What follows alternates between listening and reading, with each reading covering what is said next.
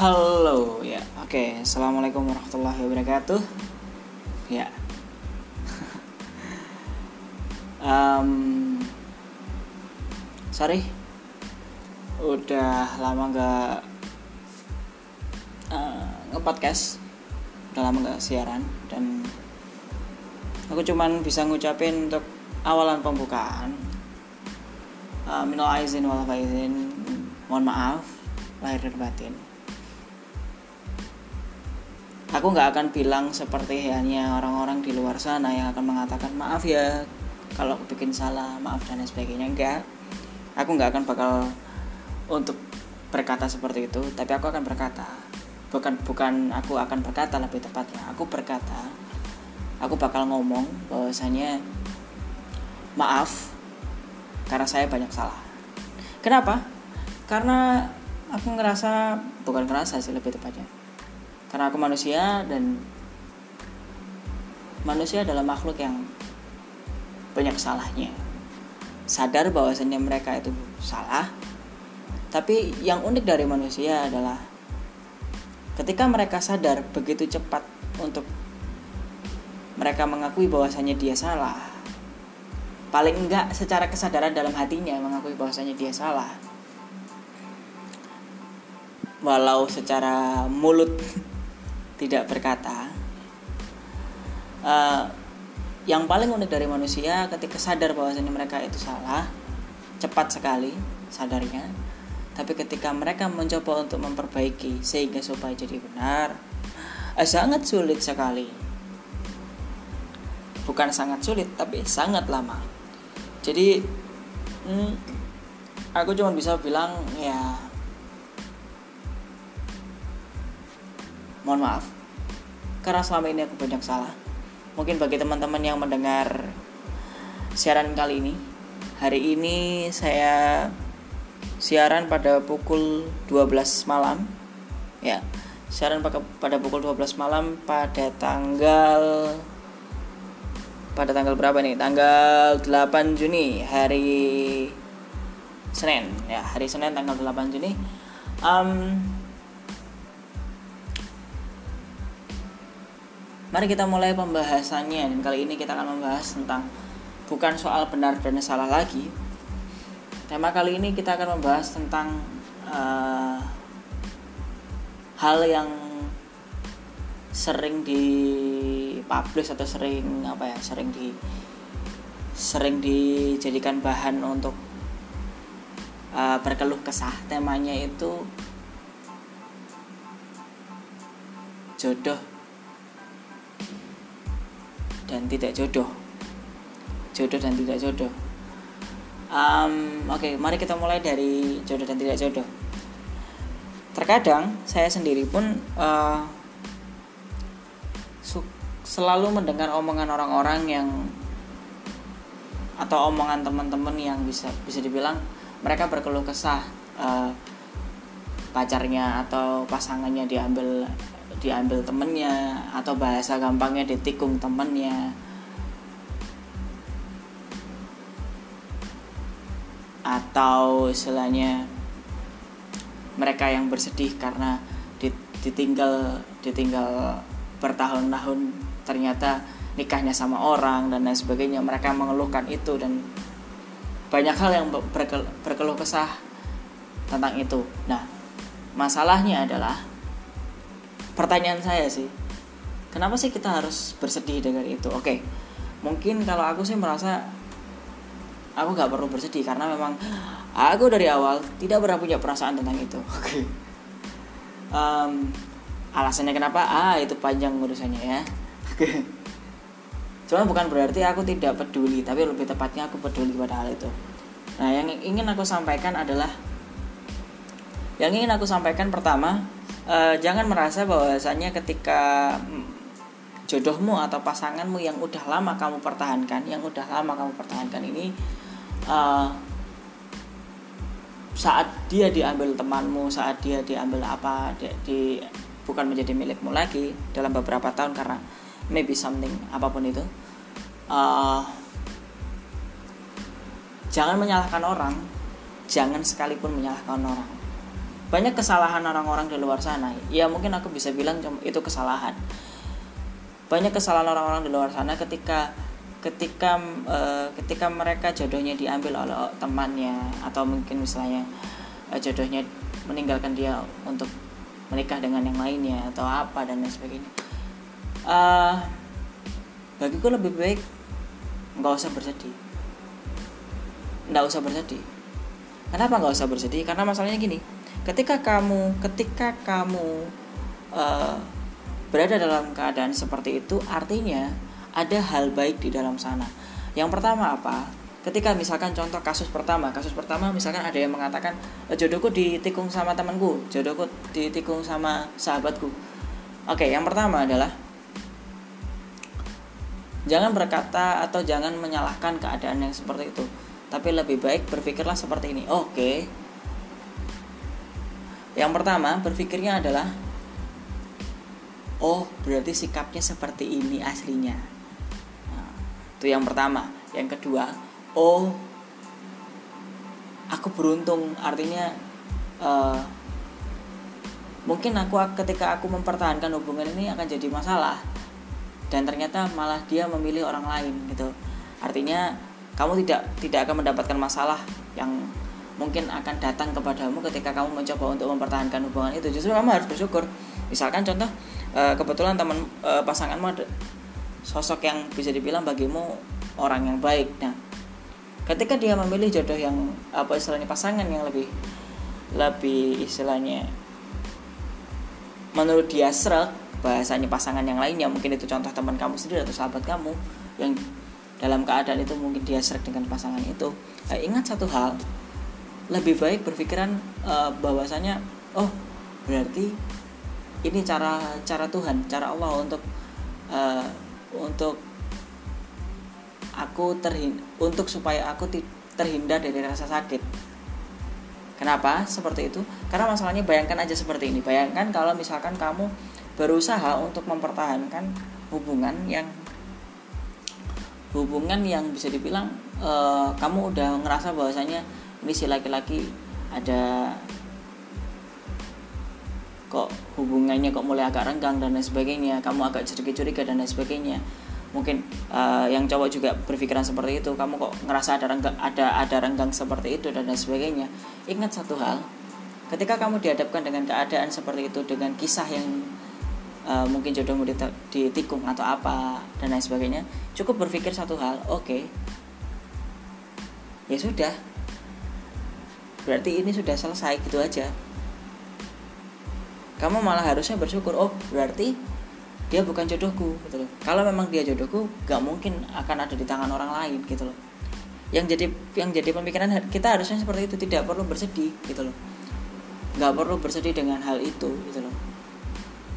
Nggak perlu bersedih dengan hal yang aslinya itu bisa jadi hal positif gitu.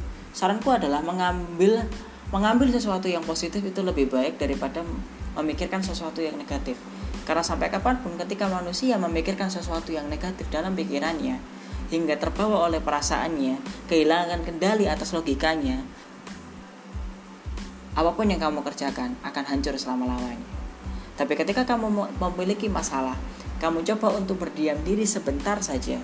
Paling enggak berdiam diri sebentar saja untuk mencari nilai positif di dalamnya kamu akan bisa memudahkan uh, bisa mudah untuk mengikhlaskan.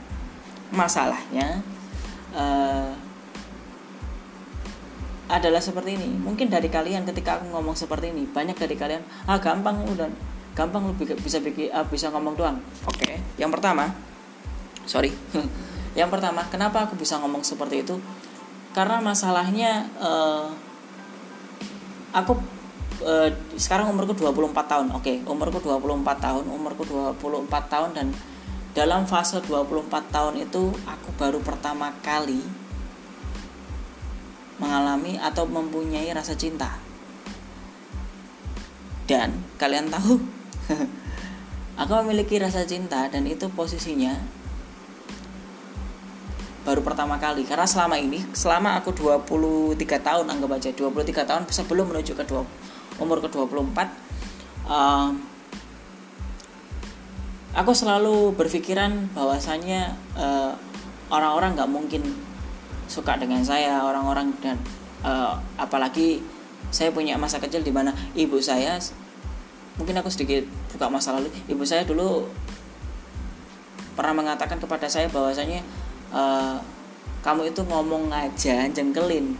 Apalagi kalau diem diem tambah jengkelin ada dari situ otomatis saya nggak nggak pernah berbicara. Bahkan istilahnya berbicara saya kalau sudah kumpul di rumah sangat sedikit. Bahkan bisa dibilang kalau orang-orang lihat saya kalau keluarga saya ngelihat saya itu terkesan jahat dan uh, cuek. Nah dari situlah kenapa aku tidak pernah berpikiran tentang cinta. Dari dari situlah selama 23 tahunan 23 tahun lebih sebelum menuju ke 20, umur ke 24 aku selalu berpikir tentang logika dan logika dan logika dan logika. Hingga pada saat itu ada salah satu teman laki-laki. Aku punya satu teman laki-laki yang yang pemikirannya hampir sama seperti saya walaupun walaupun lebih radikal saya secara pemikiran. Radikal dalam konsep uh, kritis ya aku bilang. Uh, teman saya mengatakan bahwasanya hidupmu itu terlalu logis hidupmu itu terlalu logis bahkan bisa dibilang sangat-sangat terlalu logis. Oke okay? dari situ akhirnya uh, aku bertemu dengan seseorang dan nggak tahu kenapa dia nampak berbeda dengan manusia banyak kebanyakan manusia yang aku temui. Jadi perempuan ini adalah orang yang sangat berbeda. Orang yang sangat berbeda. Uh, kalau ditanya cantik atau enggak aku sendiri juga nggak tahu definisinya cantik seperti apa bagiku uh, cantik dan nganteng bagiku gak penting bukan masalah aku so apa-apa pertama aku punya keadaan di mana kalian sendiri nggak tahu oke okay? keadaan yang membuat saya sampai sekarang insecure oke okay? sampai sekarang insecure dan dulu 23 tahun aku malah merasa bahwasanya orang karena keadaanku seperti ini satu orang nggak akan mungkin ada yang suka sama aku. Dan yang kedua orang yang uh, orang juga nggak bakal ada yang kagum dengan dengan aku. Jadi uh, jadi ya aku selalu berpikiran seperti itu. Jadi nggak pernah nggak pernah ke bawah GR sampai sekarang pun nggak pernah ke bawah GR sih. Jarang aku malah ke bawah GR karena aku mikirnya ya orang ini orang ini nggak mungkin suka sama saya dan lain sebagainya. Hingga pada saat itu pada umur 20 umur ke-24 waktu itu uh, saya mengalami yang namanya mungkin tanda-tanda bahwasanya saya cinta sama seseorang. Nah, dan akhirnya waktu itu saya coba untuk pendam karena saya masih ngerasa nggak tenang. Karena pada waktu itu itu adalah hal yang pertama kali aku rasakan. Dan karena itu adalah hal yang pertama kali dan baru aku rasakan uh, mungkin bisa dibilang saat itu aku masih belum terbiasa dengan perasaan-perasaan seperti itu. Karena selama ini aku nggak uh, nggak terlalu nggak terlalu memikirkan ke arah sana. Dan ternyata malah pada saat umur ke-24 aku malah baru merasakan itu. Nah, dalam keadaan itu karena aku belum siap mungkin mungkin bisa bisa mungkin bisa dibilang karena aku belum siap terhadap perasaan itu semua pekerjaanku belum siap terhadap perasaan itu ya yang perasaan yang aku punya bukan bukan dalam fase ditolak atau enggak. Belum belum saat itu belum belum belum berada di cerita itu. Jadi ini masih cerita awal sebelum aku uh, sebelum aku ngomong ke wanita ini bahwasanya aku suka ya ini masih belum. Jadi ceritanya adalah ketika aku merasakan cinta kepada satu perempuan ini karena dia punya sesuatu yang berbeda. Um, saat itu ada sedikit uh, perasaan yang waktu itu aku ngerasa apa sih ini? Kenapa sih harus punya uh, kenapa ada perasaan seperti ini? Apa? dan lain sebagainya. Dan aku akhirnya coba cari-cari dan lain sebagainya coba pelan-pelan untuk aku cari dan lain sebagainya. Dan ternyata uh, ternyata itu adalah cinta ternyata. Oke. okay. Tapi masalahnya karena mungkin ini adalah hal yang pertama kali aku rasakan uh, semua pekerjaanku uh, jadi kacau semuanya. Dan uh, semua pola pikirku menjadi or uh, menjadi menjadi kacau balau gelisah dan lain sebagainya bingung dan lain sebagainya. Uh, dan pada pada saat itu juga uh, logikaku nggak bisa ketemu dengan ini nggak bisa ketemu antara perasaan ini dengan logika nggak bisa ketemu bahkan kayak seolah-olah logikanya sudah hilang entah ke mana nggak tahu kenapa pada saat itu. Terus uh, yang selanjutnya lagi gara-gara gara-gara hal tersebut hal cinta tersebut hmm, apa ya uh, ada beberapa ingatan-ingatan yang dulunya apa ya ingatan-ingatan itu bisa dibilang rasa takut aku sendiri rasa takut aku sendiri yang dulunya sudah sempat hilang. Dan aku tidak merasakan rasa takut akan hal tersebut. Dan ketika saat cinta itu datang malah rasa takut itu kembali. Mungkin karena keadaanku yang masih belum terbiasa terhadap cinta tersebut dan lain sebagainya. Nah dan akhirnya membuat kacau semuanya dan lain sebagainya. Terus akhirnya aku merasa bahwasanya apa yang harus aku lakukan terhadap perasaanku ini? Aku selalu berpikir seperti waktu itu aku berpikir seperti itu. Apa sih yang aku harus lakukan terhadap perasaanku ini? Kalau aku biarkan malah aku lama-lama nggak akan tertelan. Oke. Akhirnya aku pada saat itu aku kumpulkan semua data-data mengumpulkan semuanya dan saat itu aku hitung semuanya karena aku orangnya logis sangat-sangat logis. Aku nggak mau menerima menerima hal-hal yang nggak logis. Uh, akhirnya aku mencoba untuk mengumpulkan data-data dan bagi anak uh, bagi orang-orang yang mendengarkan ini kalau misalkan kalian bertanya datanya data apa sih? Kenapa sok pakai begini? Cinta ya cinta kenapa harus pakai data? dan lain sebagainya. Nah itu dia. Karena aku dari awal gak pernah tahu apa itu cinta dan gak pernah ngerasain apa itu cinta aku belum siap tentang itu jadi aku ngerasa bahwasanya aku harus kumpulkan kumpulkan data dulu. Oke? Setelah aku mengumpulkan data perlahan-lahan dan lain sebagainya tentang si cewek ini tentang si wanita ini akhirnya aku hitung semuanya. Statistiknya semuanya peluang-peluangnya apakah aku bisa bahkan sampai aku hitung e, berapa sih persentase aku untuk apa ya untuk bisa diterima. Dan akhirnya aku bisa mendapatkan presentasenya adalah 0% pada waktu itu. 0% akhirnya aku merasa tenang. Kenapa aku bisa merasa tenang? Dan ketika aku bisa kenapa aku bisa tenang dengan persentase 0 tersebut ya? Karena masalahnya yang aku takutkan adalah bukan saat aku mendapatkan cinta. Hmm, nih ini jawaban kenapa saya meminta kalian untuk mengambil positifnya karena yang aku takutkan adalah bukan saat mendapatkan cinta, melainkan yang aku takutkan adalah mempertahankan cinta. Karena pada saat itu aku pertama kali e, mendapatkan perasaan itu dan aku ngerasa sudah menjadi manusia. E, karena selama ini aku selalu dicap sebagai bukan manusia karena aku nggak pernah ngerasain cinta. Oke. Okay. Terus? Selanjutnya akhirnya ketika aku mendapatkan data tersebut yang membuat uh, aku ngerasa bahwasanya sama si wanita ini aku bakal ditolak dan persentase aku untuk diterima adalah 0% aku senang. Kenapa? Karena yang membuatku senang adalah berarti aku tidak perlu berjuang untuk mempertahankan cinta tersebut. Karena yang paling menyakitkan bagiku dan yang paling menakutkan bagiku adalah mencoba untuk mempertahankan cinta, bukan mendapatkan cinta. Bagiku, mendapatkan cinta itu gampang. Tapi yang jadi permasalahan adalah mendapatkan cinta. Eh, ketika Anda mendapatkan cinta, ketika kita sendiri mendapatkan cinta, apakah kita bisa mempertahankannya? Oke. Okay. Itu yang jadi masalah. Oke. Okay. Nah, kita balik lagi ke masalah positifnya. Uh, kenapa kita harus berpikir ke arah positif ketika uh, jodoh kita diambil orang dan lain sebagainya?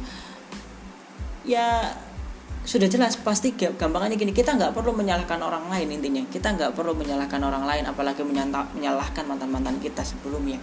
Itu nggak perlu.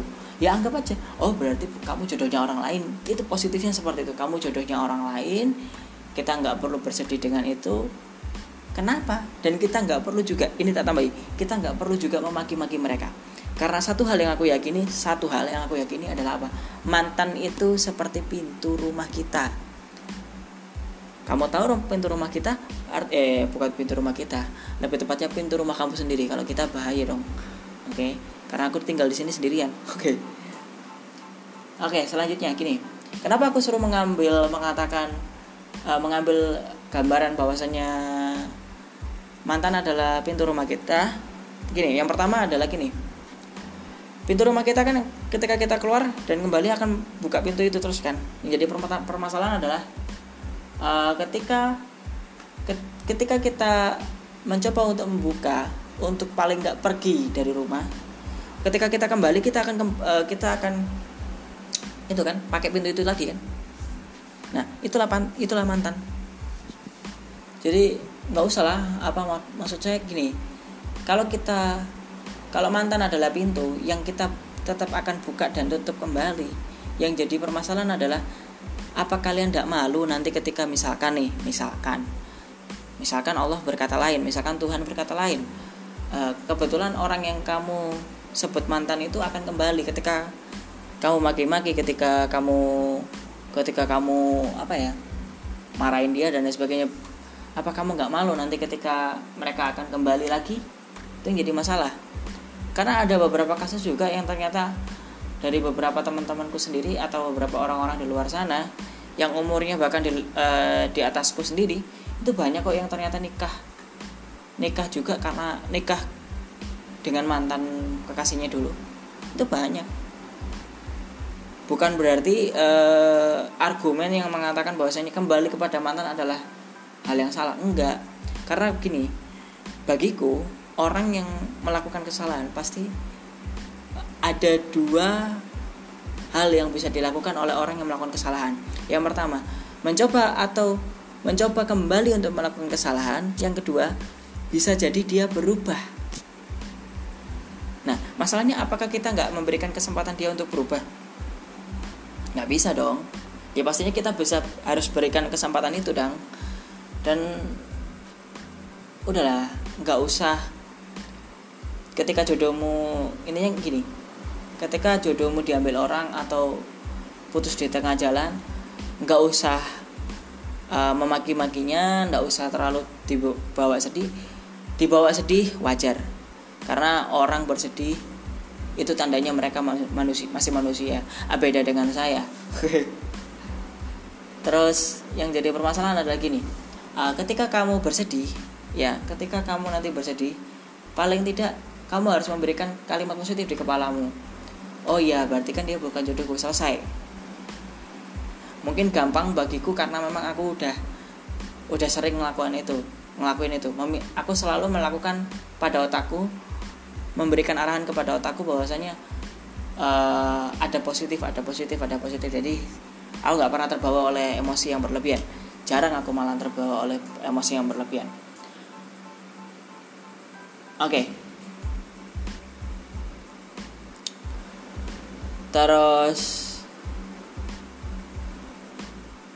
yang kedua adalah jangan nggak tahu yang ini kedua atau yang keberapa nggak pernah ngitung dan nggak peduli juga ngitungnya mau keberapa ya. Dan yang selanjutnya adalah jangan sekalipun kalian memaki-maki seorang mantan. Karena suatu hari nanti mungkin dia akan kembali kepadamu dan kamu mau dengan dia. Itu masalahnya. Jadi jangan sekalipun kalian memaki-maki. Sudah bersikap biasa aja. Bersikap seperti biasa saja. Bersikap seperti uh, ya seperti biasa. Kalian ngelakuin apa yang mungkin kalian uh, bisa ngobrol sama teman-teman ya suka bersikap biasa aja. Kenapa harus bingung? Gitu loh. Um, jadi tema tentang jodoh dan tidak jodoh itu membahas tentang orang-orang yang selalu mengeluh tentang itu sebenarnya. Jadi uh, lebih baik kalian kurangi keluhan dan mencoba untuk menyenangkan diri kalian sendiri. Oke? Kenapa? Karena ketika kalian terlalu dalam untuk berpikir sedih itu hanya akan merusak diri kalian. Tapi ketika kalian mencoba untuk mencari positifnya itu akan membuat kalian mampu untuk menjalani jalan yang kalian harus jalani Oke, kenapa? Karena selama kalian naf punya nafas, artinya kalian masih diberikan kesempatan untuk masih untuk hidup dan berjalan. Jadi kenapa harus bersedih? Walaupun sedih itu juga wajar, bukan berarti aku melarangnya. Sedih itu tidak apa-apa, tapi jangan berlarut. Bahagia juga tak apa-apa, tapi jangan berlarut juga. Sedang-sedang aja. Kenapa? Karena e, lebih baik kalian mem memasang diri kalian memasang di tubuh kalian antara antara sedih dengan bahagia itu pada satu tubuh saja. Artinya dibagi. Jangan memberikan porsi berlebihan kepada bagi kepada kata bahagia karena itu hanya akan membuat dirimu menjadi sosok yang sombong angkuh dan lain sebagainya. Uh, jangan juga terlalu ser, uh, terlalu banyak memberikan porsi sedih atau porsi uh, emosi yang berlebihan, emosi negatif yang berlebihan kepada tubuhmu karena itu hanya akan mem membuat dirimu uh, cepat mati lebih tepatnya. Bahasa kasarnya seperti itu. Dan jadi berikan porsi bahagia dengan sedih itu 50-50 kenapa? Agar kamu bisa menjadi manusia seutuhnya. Karena manusia yang seutuhnya dapat bahagia dengan cepat tapi juga dapat sedih juga dengan cepat. Artinya ya ketika sedih ya sedih aja ketika bahagia ya bahagia aja. Tapi ya jangan jangan terlalu berlarut lah intinya. Bagaimana caranya? Ya itu masalahnya. Bagaimana caranya? Kalau caraku sendiri adalah aku selalu e, ketika aku dalam keadaan emosi yang apa ya emosi yang waktu itu sempat dalam keadaan di mana aku punya cinta untuk pertama kali dan itu membuat aku nggak bisa berpikir logis dan lain sebagainya pekerjaanku jadi tersendat dan lain sebagainya. Nah pada saat itu aku merasa bahwasanya aku harus mencoba untuk menetralkan dengan cara aku harus ngomong walaupun persentasenya untuk diterima adalah nol dan itu sudah kejadian dan hasilnya benar sesuai presentasi itu intinya adalah aku ditolak. Jadi e, prediksiku benar bahwasanya aku ditolak dan aku senang sekali. Kenapa? Karena aku e, tidak akan tidak akan apa ya tidak akan bingung untuk mempertahankan cinta. Karena waktu itu aku masih belum siap dengan perasaan yang pertama kali aku rasakan. Dulu eh, apa ya dulu bisa dibilang kalau dekat sama perempuan ya sudah dekat aja seperti biasa. Dan gak ada perasaan dan gak, gak terlalu peduli juga sih aku dan aku masih waktu itu dulu masih juga dulu adalah orang yang nggak percaya cinta dulunya. Dan sekarang masih percaya alhamdulillah. Dan alhamdulillah masih percaya berkat uh, berkat teman-teman yang membantu saya untuk mencari apa itu cinta dan sebagainya. Aku berhasil mendapatkan datanya. Dan itu malah berbalik kepada saya sehingga saya akhirnya waktu itu belum siap punya cinta. Dan akhirnya membuat saya kacau kacau balau gak karuan ya. Nah kembali lagi ke caranya. Caranya adalah apa? Caranya waktu itu aku mencoba untuk memejamkan mata dan membayangkan bahwasanya saya berada di uh, etalase etalase etalase yang banyak. Etalase atau bisa dibilang waktu itu gambarnya adalah file kabinet ya you know lemari arsip yang besar. Dan itu berbentuk besi. Dan aku mencoba untuk memilah-milah dan mengkategorikan semuanya pada beberapa hal. Dan aku mencoba untuk membayangkan uh, ada kolom yang bertuliskan cinta dan aku letakkan itu. Dan ketika aku mencoba untuk meletakkan porsi cinta dengan porsi uh, logika akhirnya aku bisa kembali ke keadaan di mana uh, apa ya aku masih bisa berpikir logis tapi aku juga masih memiliki cinta. Dulu karena aku dulu nggak nggak nggak terlalu peduli soal cinta jadi sekarang aku peduli dan um, itulah yang membuatku bisa berkata seperti itu juga. Dan saran saya seperti itu. Tapi walaupun kalian nggak sama seperti saya paling nggak aku bisa ngomongin seperti itu aja sih. Mungkin ada dari kalian mungkin mau yang mau ngobrol atau yang mau share silahkan uh, sharing-sharing atau apa silahkan nanti bisa di DM aku di Instagram. Instagramnya sedikit agak alay sih namanya uh, Khozin Al Jannah nanti kalian bisa follow. Nanti di situ ada di Spotify ada bioku nanti kalian bisa cek di situ ada Khozin Al Jannah. Itu adalah uh, akun Instagram saya. Oke? Okay? dan nanti kalian bisa DM DM di situ dan mungkin beberapa dari kalian mau ngobrol-ngobrol mungkin. Kebetulan aku juga butuh teman ya kan silahkan nanti kalian bisa ngobrol-ngobrol di situ. Dan setiap obrolan kalian nanti kita akan obrolin dan kita akan bahas di sini. Oke okay? um, jadi pesanku untuk uh, tema kali ini adalah cobalah ketika kalian bersedih cobalah untuk menerima kesedihan itu. Dan juga ketika kalian berada dalam keadaan sedih cobalah untuk tidak memaki kesedihan itu melainkan coba untuk berpikir positif oke. Okay? karena sesuatu yang kamu miliki bisa jadi bukan milikmu seutuhnya. Tapi sesuatu yang tidak kamu miliki bisa jadi akan jadi milikmu seutuhnya. Okay? jadi stay positive and be happy for anything. And see you. Bye bye